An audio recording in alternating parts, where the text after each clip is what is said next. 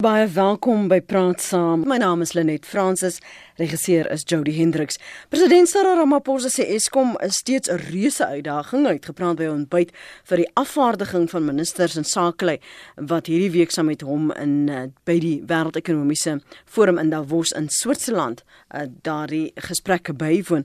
Hy sê anders as verlede jaar is daar nou 'n plan om Eskom se probleme en ander ekonomiese uitdagings te pak en hy sê dit beteken dat die land nou in 'n beter boodskap vir beleggers by Davos kan voorlê. En so gepraat van Davos die tema is globalization 4.0 globalisering 4.0 Ons praat veraloggend oor die tema maar ook die relevantie en ekonomiese waarde van 'n byeenkoms soos Davos. En my gaste is Dr. Morney Mostert, direkteur by die Instituut vir Toekomsnavorsing by die Universiteit van Stellenbosch se Besigheidsskool.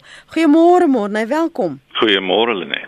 En ons gesels ook met Lulu Kriegel, sy is ekonom en direkteur by PwC. Môre Lulu, welkom ook aan jou. Goeiemôre Lenet, goeiemôre Morney.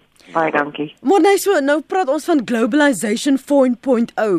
Wat is dit veronderstel om te beteken en wat verstaan ons oor die impak wat globalization 1.0 en 2.0 en 3.0 dan nou geskep het? ja, ek dink die ehm um, miskien die eerste ding om om net gou te sê die die verband tussen uh globalization 4.0 gaan oor die uh verband wat globalisering het met die vierde industriële revolusie en dit is waar die benaming vandaan kom.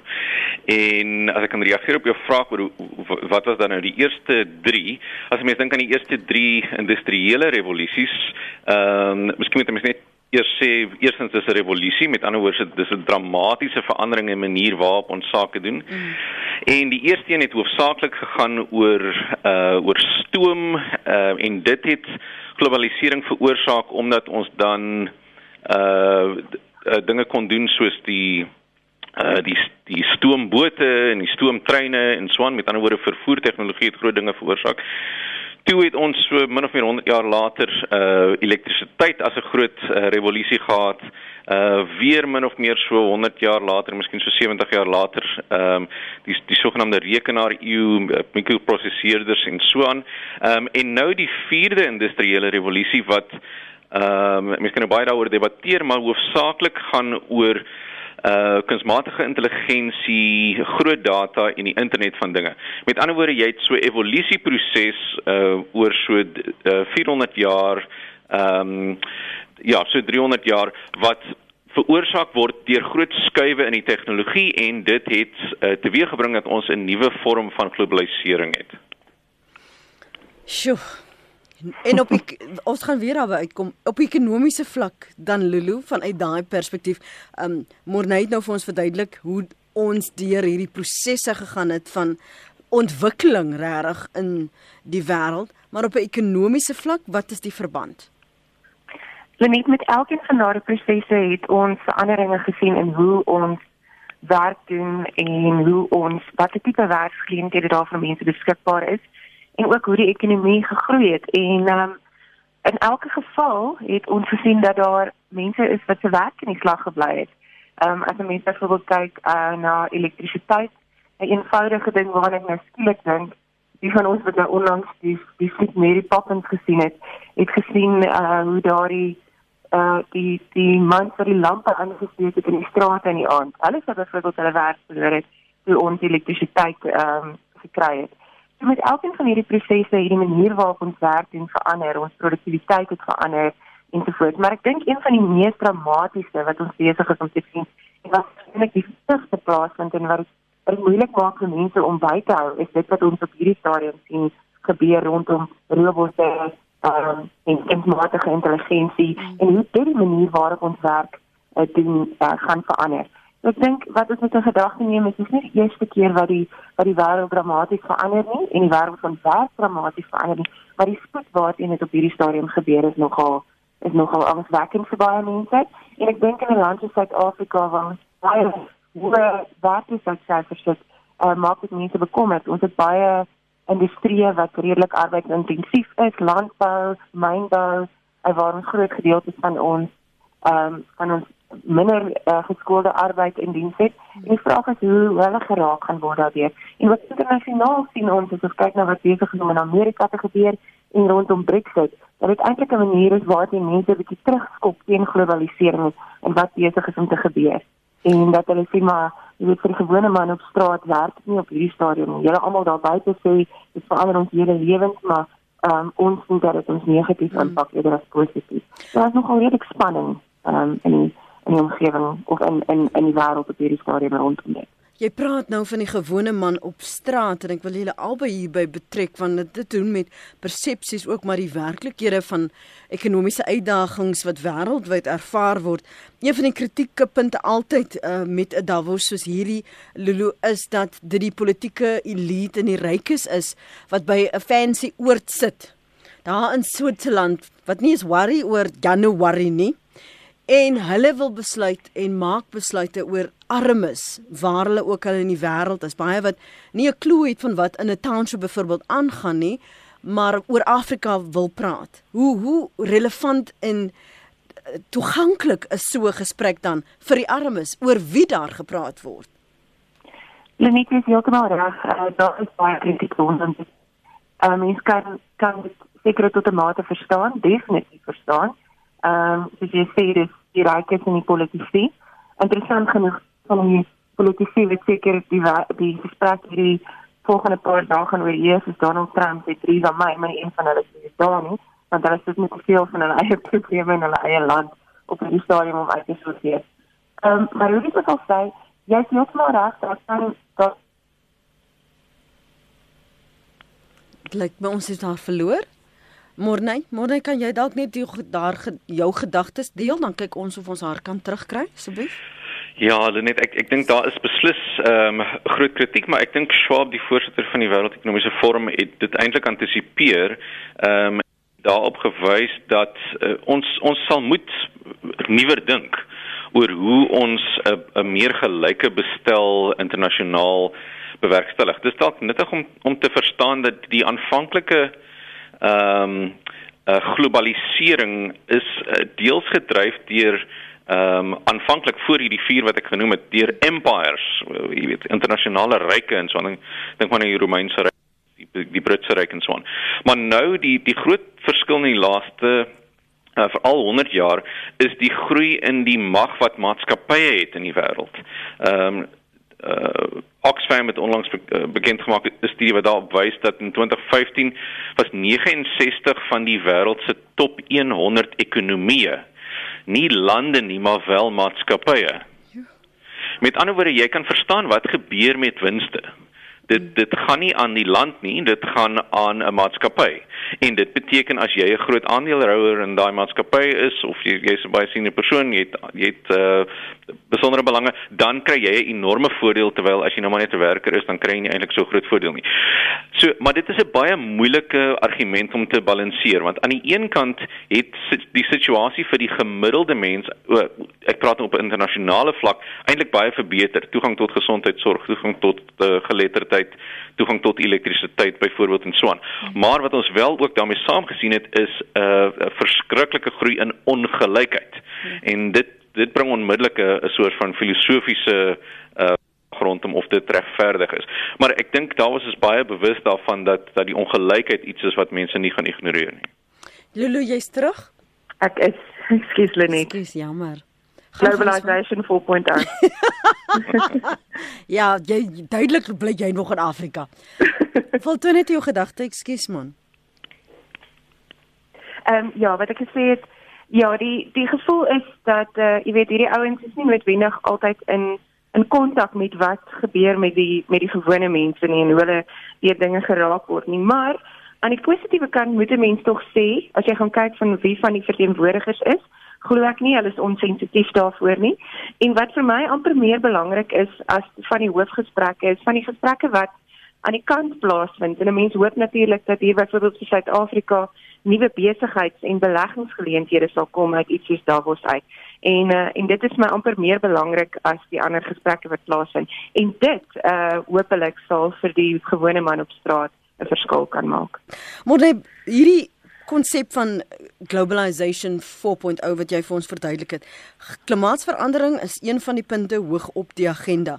Maar hoe het jy 'n gesprek oor 'n insident of 'n toestand in die wêreld wat almal raak, maar al die gespreksgenote is nie om die tafel nie of al die gespreksgenote glo nie met met die agenda of stem nie ooreen met die agenda nie. Wel ek ek dink net op die laaste punt met die feit dat almal nie saamstem nie, ek dink dit is juis die doel uh van uh, internasionale dialoog. Dat jy gaan eintlik verskillende uitgangspunte hê, maar die die feit dat mense nader aan mekaar beweeg in dialoog is een van die maniere waarop dit uh aangespreek kan word of almal betrokke is. Wel, die vraag is wie moet vir wie nou eintlik 'n uitnodiging gee? Hmm. Ehm um, en hoekom is is daar nie 'n soortgelyke ekonomiese forum byvoorbeeld in Afrika nie. So die die argument wat wat vanuit Afrika het dat jy weet ons baie keer nie uitgenooi word nie is is maar soortgelyk aan jy weet om te kla dat dat van jou vriende jou nie uitnooi na 'n partytjie toe nie. Dit gee eintlik vir jou so 'n bietjie van 'n boodskap. Ehm um, en en dit beteken jy jy jy jy word dalk nie beskou as dat jy 'n bydrae kan maak nie. Nou dit dit mag dalk onkunde wees aan hulle kant, maar wat dit wel beteken is ons kan nie meer in die soort van globale uh, era waarin ons nou is die die paradigma die denk uh, wyse voortsit waar ons eintlik maar hoop dat die weste ons uitnooi en ons red nie. Mm. Dit is eintlik tyd dat ons 'n bietjie meer uh, uh, van ons eie stelsels begin oprig. Ehm um, en dat ons ook duidelik is oor waarom ons eintlik by die partytjie moet wees as ons dan nou graag daar wil wees. Met ander woorde, wat is presies die bydrae wat ons maak? En dit gaan beteken dat ons baie meer internasionaal sal moet dink en sal moet wegkom van 'n uh, soort van parochiale ons is nou anders en spesiaal en 'n eksepsie op elke internasionale reël. Want as jy internasionaal wil speel, dan moet jy internasionaal dink en internasionale bydrae maak. Maar Koos, dankie vir jou oproep môre. Môre net. Net jy weet ons bel altyd in, dan praat ons oor globalisering van wêreldhandel. Mm en ons praat oor die ontwikkeling wat in die ons ons praat in die vierde industriële revolusie.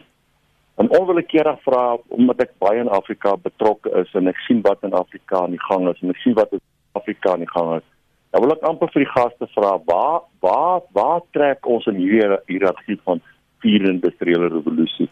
Hmm. En ons praat oor Eskom. Dit gaan nie help ek sê eerlik as ek sê, dit gaan nie help ons ons ons ons Ramaphosa Cyril Ramaphosa gaan so intoe nie en dis goed ek ek het gehoor wat sê jou een gas maar binne ons eie ekonomie kyk aan watter chaotiese toestand is Eskom is uh die die die die, die lugdiens eintlik alles kyk of jy skuld is Eskom kyk hoe word krag misbruik ons hele elektriese infrastruktuur is eintlik wat baie betref amper 'n plek waar ander hulle self help ten koste land. Nou die besoeke daar, wat dit wat gaan dit ons beteken? En en en en, en die man was reg wat gesê het. Die globalisering van wêreldhandel het nie eintlik lande verryk nie. Dit het regtig maatskappye verryk. Maatskappye wat eintlik ryker is as die meeste lande in hele Afrika. En wie wie het die voordeel van hierdie sogenaamde globalisering van handel wêreldhandel uit? As jy gaan kyk, die Chinese, gaan kyk wat doen die Chinese in Rwanda, wat doen hulle in in Mosambiek? Hulle ontwikkel alles, maar hulle bring nie vir daai land regtig, okay, bou vir 'n nuwe pad, maar die mense, die die, die mense op grondvlak, die opvoedingsvlakke van mense kry nie voordeel daarvan nie, want hulle is nie mense die werk doen nie. So ek ek ek wil regtig vra, waar waar pas Suid-Afrika in in hierdie op hierdie stadium, so wat dinge aangaan, waar pas ons in hierdie revolusie in? Kan jy kan hulle vir my sê hoe gaan ons ooit die voordele van dit kry? Sal ons ooit die voordele van al hierdie goed kry? Ek gaan vir jou kans gee môre. Waar is ons as ons dan 'n evaluasie moet maak van waar Suid-Afrika hom of haar bevind binne hierdie evolusie van 'n vierde revolusie? Ek dink mense kan dit op verskeie maniere uh, beantwoord, maar, maar ek dink die uh, waar waar ons normaalweg sal begin met daai antwoord is hoe dink 'n land soos Suid-Afrika oor sy verhouding met die internasionale wêreld. Nou vir baie jare weet ons nou almal was Suid-Afrika eintlik uitgesluit van uh die internasionale wêreld en ons het sanksies ervaar En dit uh, het nou nog steeds 'n uh, 'n bietjie van 'n van 'n lag effek. Mm. En een van daai uh, negatiewe gevolge is ons beskryf as 'n um, 'n exceptionalistiese paradigma. Wat ons daarmee bedoel is ons ontwikkel eintlik die idee in Suid-Afrika dat ons is nou so uitsonderlik dat ons in 'n sekere opsig soos 'n eiland optree. Uh ons het sien byvoorbeeld onder Zuma era dat dat ons uh wanneer wanneer die International Criminal Court vir ons uh boodskappe stuur of die ehm um, of uh, Fitch en Standard and Poor's en so on vir ons boodskappe stuur, dan is ons reaksie altyd geweldig verdedigend. Hulle verstaan nie Afrika nie, hulle het 'n westerse agenda, hulle het nie begrip vir waar ons is nie en so on. En daai verdedigende uh uitgangspunt beteken dat 'n mens eintlik op die ouend diep disfunksionele gedrag begin regverdig in Suid-Afrika of dit nou aan die kant van politici of sekere uh, sakegemeenskappe uh, mag wees of die burgers van die land. 'n mens verdedig daai disfunksionele gedrag op hierdie teorie dat jy nou 'n uitsondering is. Met ander woorde ons antwoord op jou vraag net sou wees dat ek dink ons het ongelukkig 'n baie eksepsionalistiese uitgangspunt en ons het ook 'n baie verlede georiënteerde benadering tot dinge. Mense kan weer eens verstaan hoekom dit die geval is. Maar ongelukkig sit dit ons nie in 'n goeie posisie nie. Nou wil ek net ook sê dat dat Ramaphosa se gedrag is baie meer internasionalisties. En die die tekens is almal daar dat uh, hy baie goed besef dat vir vir Suid-Afrika om kompeterend te wees in die toekoms ons internasionaal kompeterend moet wees. Ons kan nie ons kan nie aan mekaar verkoop en so probeer om ons self hier uit te kry nie. Kom ons hoor gou wat dit Peer op die hart. Dankie vir die terugbel Peer. Uh, ja, môre Lenet en jou gaste. Hoor hierso net 'n vraagie. Ons maak so ophef oor hierdie vierde industriële revolusie. Nou vra ek jou met trane in my oë, hoe lank vat dit ons nou al om te migreer van analoog na digitaal? Is dit korrek om te sê dit is al 11 jaar lank? As jou gaste net vir my kan antwoord en en, en dit in perspektief stel oor hoe ons gaan bly bybly met hierdie globale wonderlike globalisering. Dankie hoor. Ek dink ons moet spesifiek na een insident of een in vlak verwys nie of een sektor. Ek dink ons moet sommer in die algemeen daaroor praat en, en dit sal deurlopend in hierdie gesprek wel uh, eh, plaas vind Peer. Terug na na jou Lulu. Ek dink Mona het gesê um, ek het net 'n aantekening gemaak van ons moenie wag om genooi te word na die partytjie nie. Legard was verlede jaar hierso en sy het gesê eh, gesinspel op op waarna beleggers kyk as hulle in Suid-Afrika belê. Hier gaan ons nou terug. Wat is die waarde wat Suid-Afrika toevoeg by 'n gesprek eh, in in in Davos want dit lyk asof ons die heeltyd bakhand staan. Hierso praat um, Morne ook van ons houding tot dusver was baie verdedigend asof ons die heeltyd op die agtervoet is en moet ver, verduidelik. Ons onthou ook toe ons al hierdie kredietgraderingsagentskappe se verskillende boksies moes tik net om seker te maak ons word nie die heeltyd afgradeer nie. Hoe gesond en ek plat maar gesond ook in aanhalingstekens is ons beeld op die oomblik. Lenet ja, ek dink um, om aan te sluit by wat Morey gesê het, uh, ons het definitief 'n um, houding gehad in die verlede van ehm um, jy weet ons is anders, julle moet anders na ons kyk. En vir 'n lang tyd dink ek hierdie wêreld wel anders na ons gekyk. As 'n mens kyk net na 94, ek dink ons het baie grasie gehad en en baie goodwill soos die Engels sal sê uh, by die res van die wêreld, maar daai tyd is lankal verby. En ons moet besef nou ding ons net soos enige iemand, enige ander ontwikkelende land of ontleikende mark deur uh, meer vir dieselfde geld uh, van beleggers wat kyk na verskillende plekke waar hulle kan belê. Nou, ek dink Suid-Afrika het nog steeds 'n unieke posisie in Afrika. Uh, maar ons moet baie versigtig wees om net te dink dat dit so gaan bly. Ons het gesien in van die jongste graderings rondom ehm um, jy weet hoe maklik dit is om om byvoorbeeld besigheid te doen in verskillende lande. Is daar drie ander Afrika lande wat ons verbygesteek het. Mauritius is al vir 'n hele rukkie voor ons maar beide Kenia en Rwanda het nou al beter graderings as ons in terme van hoe maklik dit is om geld te belê en daar besigheid te doen. So ek dink ons moet bietjie wakker skrik rondom dit in ons posisie in Af in Afrika, maar ek dink ons het nog steeds ons is een van die drie top ekonomieë in Afrika en ons het nog steeds baie om te bied ehm um, vir die res van die wêreld wat wel kyk na Afrika as 'n beleggingsgeleentheid. Hoewel Afrika ook self nie meer so 'n verskriklike goeie nuus storie is soos wat dit in die verlede was nie. So ons moet maar besef beleggers kyk net na twee goed. Mhm. Ehm um, wat is die ehm um, opbrengs wat ek kan kry op my belegging en wat is die omstandighede waarin ek hierdie geld moet belê? Met ander woorde, ehm um, wat hoe maklik is dit om besigheid te doen in 'n bepaalde land en hoe lyk die beleid en wat se ondersteuning is daar vir my ensovoorts. Maar nou wat is die implikasies as môre nou vanoggend sê as jy kyk na Oxfam se verslag dat die top-ekonomieë is eintlik maatskappye. Hoe ding jy mee? Hoe gaan jy ooit op op dieselfde vlak wees as ons praat van maatskappye met groot geld en jy sit hier in die toppen van Afrika jy jy is net nie op dieselfde vlak jy is net nie op hy level nie. Dit is so, maar 'n mens as 'n mens gaan kyk na van die top internasionale maatskappye wat verlede jaar gesê het, luister ons gaan ons gaan nog meer geld belê in Suid-Afrika of ons gaan terugkom tot 'n mate. Een van hulle byvoorbeeld Anglo American, McDonald's, ehm um, daar's 'n hele rits uh, wat verlede jaar by president Ramaphosa se beleggingskonferensie was. En baie van hierdie maatskappye ons het ons het natuurlike hulpbronne nog steeds in Afrika wat wat van hulle nodig het en verkoop en wil hê. En dan natuurlik is daar 'n groot mark in Afrika wat in sekere opsigte nog steeds nie uh, so versadig is as in die res van die wêreld nie. So hierdie maatskappye kyk daarna en uh, hoewel sommige van hulle hulle vingers gebrand het in terme van die manier waarop hulle besigheid kom doen het in Afrika en gedink het hulle kan dit op presies dieselfde manier doen as die res van die wêreld. Is dit nog steeds 'n mark waarna uh, baie lande kyk. As ons kyk na byvoorbeeld ehm um, ook die moontlikhede rondom landbou en landbouprodukte mm. en landbouvervaardiging, tekstiel, klere, ehm um, daar's 'n klomp bedrywe wat uh, wat ek dink wat Afrika 'n unieke geleentheid bied en ehm um, telekommunikasie, mynbou. Dis die tipe van maatskappye ehm um, waarop ons ons visie moet plaas.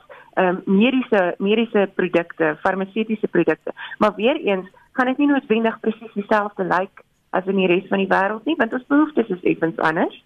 En so dit dit is aan albei kante. Ons moet die maatskappye help om Afrika te verstaan en uh, en ons moet ons moet hulle ondersteun maar ook seker maak dat ons tog 'n voordeel kry uit die proses uit en self ontwikkel word in die proses. Môre Ek dink ehm um, ek dink Lulu is 100% reg. Ons moet strategies dink oor wat ons wil aanbied, uh, eerder as om so strategies te wees oor hoe ons onsself kan verdedig. En dit gaan onder andere insluit ehm, 'n uh, verbetering in verhoudinge van die groot sektore hier's net een voorbeeld. Uh volgens die Global Talent Competitiveness Index wat wat uh wat vergelyk hoe kompeterend is die talent, die mense van die land waar een van die groot geleenthede vir Suid-Afrika lê deur uh deur opvoeding. Ehm um, kyk hulle onder andere na Lula het gepraat oor die omstandighede. Hulle kyk na die omstandighede in terme van die verhouding ehm um, tussen uh die sake sektor en die regering en die arbeidsgemeenskap. En volgens daai indeks byvoorbeeld, die nuutste indeks um, en daar word weer een geloods nou uh, by Davos. Maar volgens die nuutste indeks is uh, Suid-Afrika se rangorde in terme van die verhouding tussen die sake sektor en die regering uit 119 lande, is ons 101. Met ander woorde, wat sê dit vir jou? Dit sê vir jou dat die sake sektor voel nie dat hulle uh, in 'n goeie verhouding uh, tot die regering staan nie en dit het enorme implikasies uh vir belegging. Met ander woorde, jy kan nou van sê in die buitewêreld ons is open for business, mm. maar as die omstandighede van so 'n aard is dat daar gedurig 'n soort van suspisie is van die sake sektor, dan voel daai sektor nie welkom nie. Terloops uh in in terme van uh verhoudinge tussen die sake sektor en en labor op daai indeks van 119 lande is Suid-Afrika nommer 119. Met ander woorde, die swakste in die wêreld vir enige land wat nou eintlik daarmee geplaas om gemeet te word. En dit is basiese fundamentele dinge, maar dit dra by tot Ludo se waarneming van die omstandighede waarbinne ons dan die land vorentoe kan neem. Met ander woorde, ons kan nie meer verdedigend wees en sê ja, maar onthou mm. ons werkers en ons regering en ons geskiedenis en ons 'n uh, besonderse manier om dingetjies te doen. As ons wil hê, dan moet foreign direct investment wees. Ons uh, soort van tong in die kies boodskap aan kliënte is altyd the key to foreign direct investment is in the F. Met ander woorde, dis foreign. Jy kan nie jouself praat in 'n mm. foreign direct investment en mm. jy moet met die buitewêreld in kontak wees. Maar jy kan ook nie verwag die buitewêreld jou jou F moet belê terwyl jou plaaslike beleggers of plaaslike sakelei nie glo in die produk of wat aan te bied is of daar is nie um geloofwaardigheid of vertroue nie. Ek dink dis waar en ek dink ons ons almal weet sentiment speel 'n rol in die mark mm. en ehm um, ek dink tog daar is tekens dat die sakesektor wys luister ons ons is bereid om nou 'n bietjie van die groot kontantreserwes wat ehm um, wat skynbaar in die Suid-Afrikaanse ekonomie lê 'n bietjie te belê en ek dink na die verkiesing gaan ons groot verskille en positiewe dinge sien. Mm. Kom ons hoor wat sê Peer voordat ons verder gesels dan. Hoor hulle net. Môre Peer. Lenet ek wil net sê ek het dit al voorheen gesê ons beleid is verkeerd. Die beleid moet reggestel word. Jy kan nie al 100 mense oor see vat om beleggings te kry en jy sê vir hulle hoor hierso as jy hier kom belê dan staan jy 'n kans dat ons jou grond gaan vat of jou eiendom gaan vat sonder vergoeding.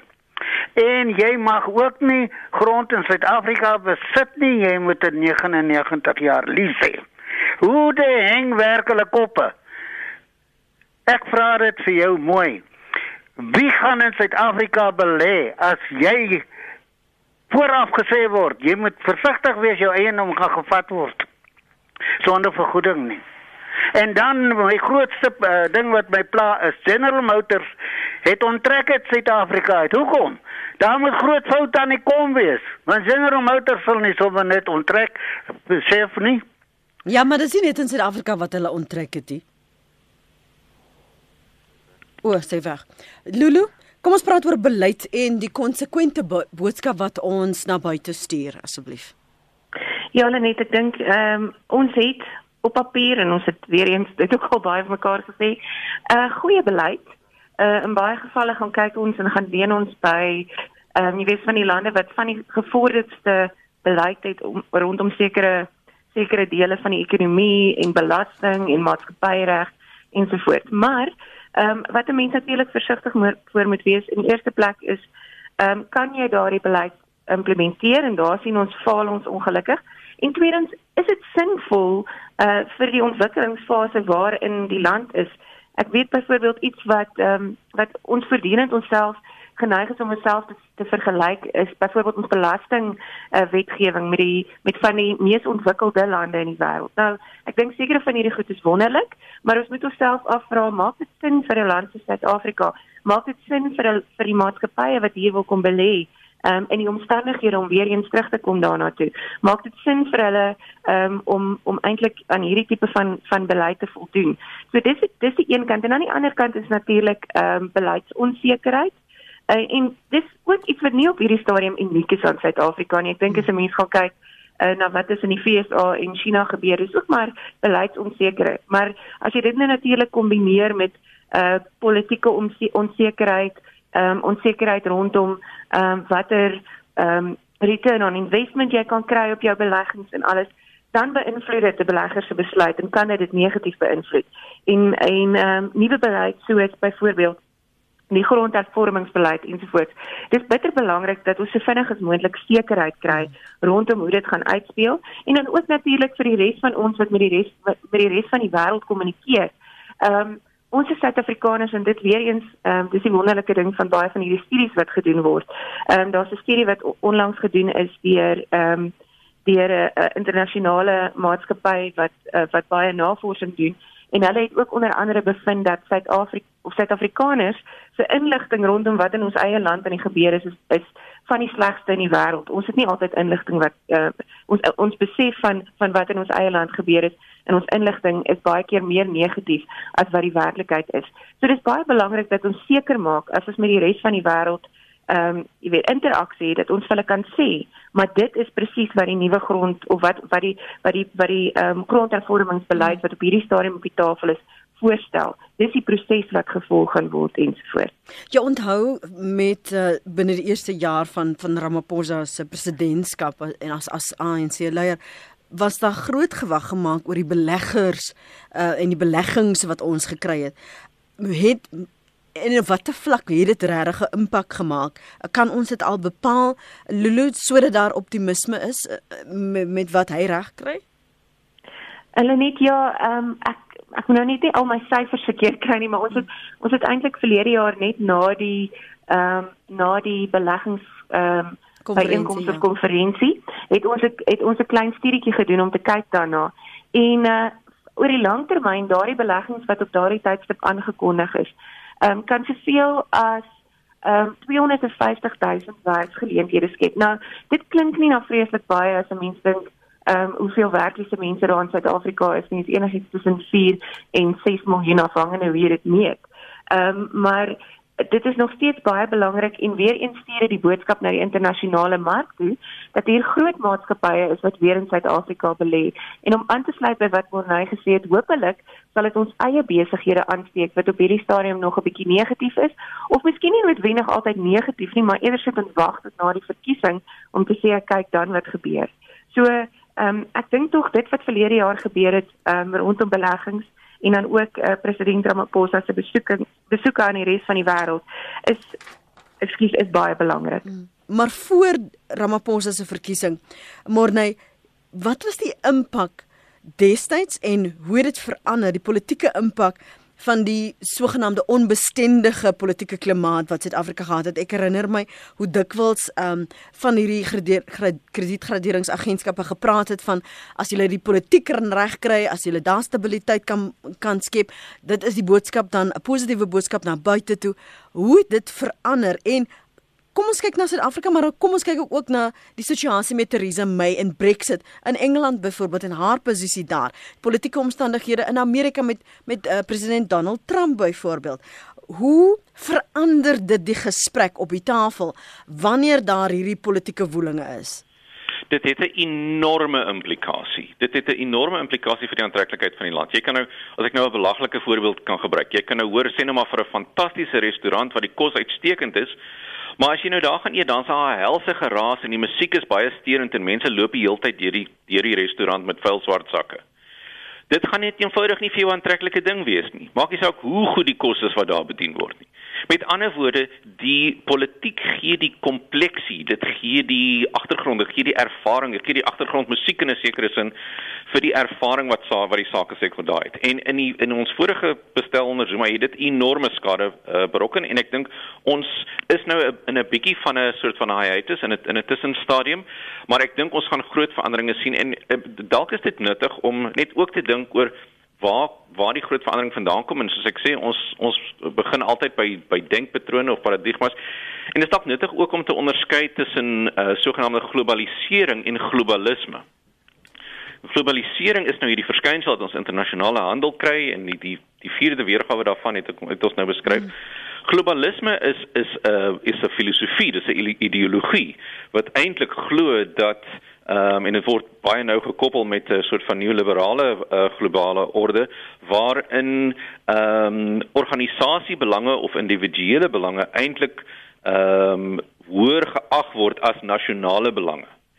En die die fyn balans is natuurlik die ding waarna mense soek en onder in in Zuma se se era was dit anti-globalisties hmm. in die sin dat ons het eintlik die nasionale belang uh, bo die belang van individue gestel of dit was in elk geval natuurlik wat gekommunikeer is ons weet nou uit die sondekommissie dit was eintlik nog nooit die werklikheid nie. Ehm um, maar ek dink ons het 'n baie groter balans nou ehm um, met ehm um, met Ramaphosa wat sake ervaring het en internasionale geweldige internasionale blootstelling het. Daar's 'n baie meer gebalanseerde benadering daar en dit gaan 'n geweldige groot teken vir die internasionale uh, gemeenskap stuur. So dit het 'n enorme impak gehad. Uh ander een sê Uh, your listener called peer the land on which an enterprise is built does not determine the prof- uh, profitability of the business, but rather the product productivity and the market determines profits. Dis uh, een van die luisteraars in reaksie op wat um, Pierre gesê het en dan sê 'n ander een los vir Donald Trump. Hy doen wat goed is vir sy land.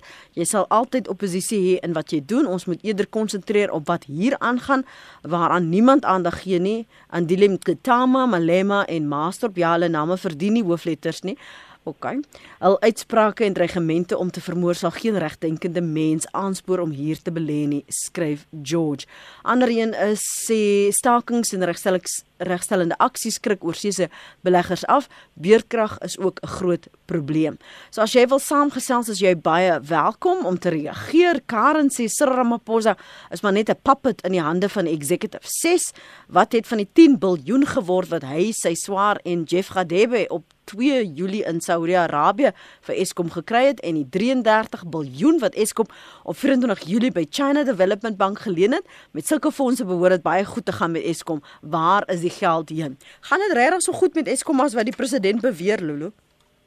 Ehm uh, nee, dis nie Ehm ek dink ook nie die president is dit uit verder oor te sê dat Eskom nie is moeilikheid en dan die probleem is die die struktuur op hierdie stadium is iets wat moet aangespreek word. Ehm um, dis basies 'n uh, besigheid uh, wat wat uh, vraag na sy produk besig is om in 'n baie vinnige tempo af te neem en ehm uh, mens kan ander geld gooi na so 'n probleem toe maar dit gaan nie noodwendig die probleem oplos nie. Ons dan kan nog baie skade vir die Suid-Afrikaanse ekonomie berokken as dit nie reg aangespreek word nie. Ek sien saam, daar is 'n plan op die tafel, daar maar dit moet ek ongelukkig sê, ons al van tevore gehoor, daar was al 'n paar planne op die tafel. So ek sou graag wil sien dat daar op hierdie stadium regtig ingrypende uh, veranderinge plaasvind by Eskom. En ek is nie heeltemal seker dat die aptyd daar is nie veral voor die verkiesing. Ehm um, dat dat die dat die aptyd op nie op hierdie stadium daar is, die politieke wil om te sê maar ons moet nou drasties gedoen voor die verkiesing nie. Hoopelik verkiesing Jy het net toe gepraat Morney van globalisme en dat dit 'n uh, amper 'n stelsel is wat wat jy bo die belange van jou nasionale belange plaas. So, is dit wat ons sien uitspeel in in Amerika en, en die verdeeldheid wat geskep word met byvoorbeeld 'n grensmuur om Mexiko uh, uit te hou. Uh, hoe hoe verstaan jy dit in die konsep van vooruitgang? Hoe verstaan jy dit in die konsep van ehm um, globale ekonomie skep sodat almal dan bevoordeel kan word?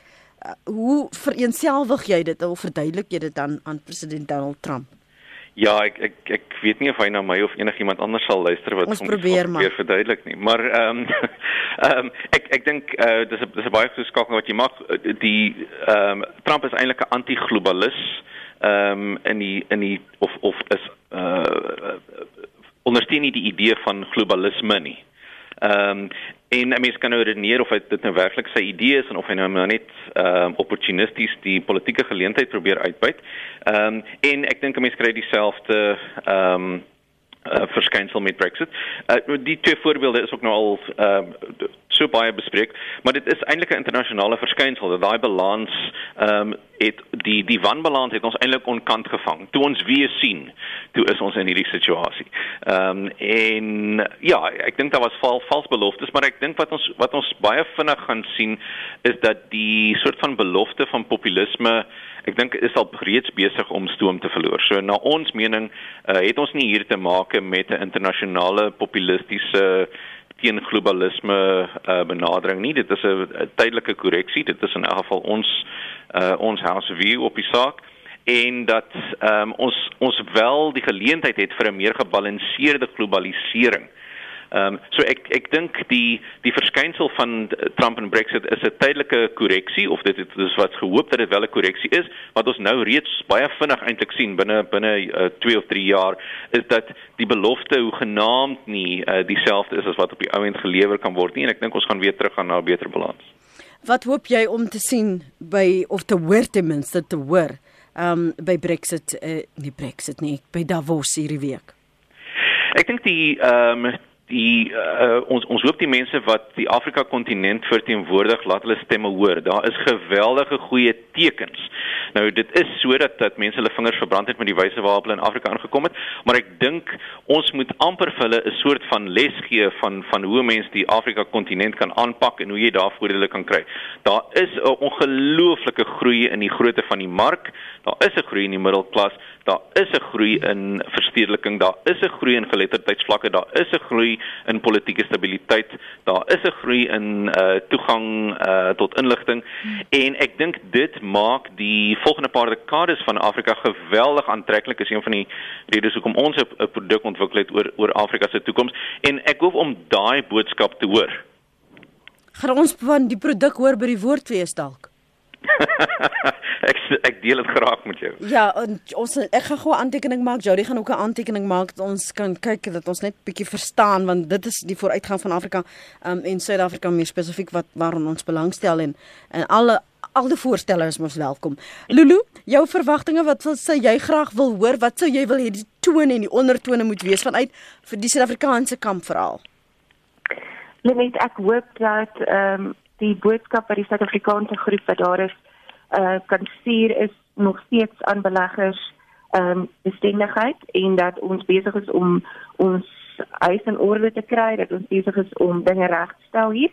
Ek dink uh byvoorbeeld van die dinge wat byvoorbeeld in die Zondo-kommissie uitgekom het is vir van ons uit die aard of vir almal van ons uit die aard van die saak baie ontstellend, maar dit is hierdie eerder kan gebruik as 'n boodskap aan die res van die wêreld om te sê ons vra nie meer verskoning nie, ons draai nie meer om en sê ons sien nie raak wat besig om te gebeur nie of gebeur het nie en ons ons wil graag ons eie land in orde kry.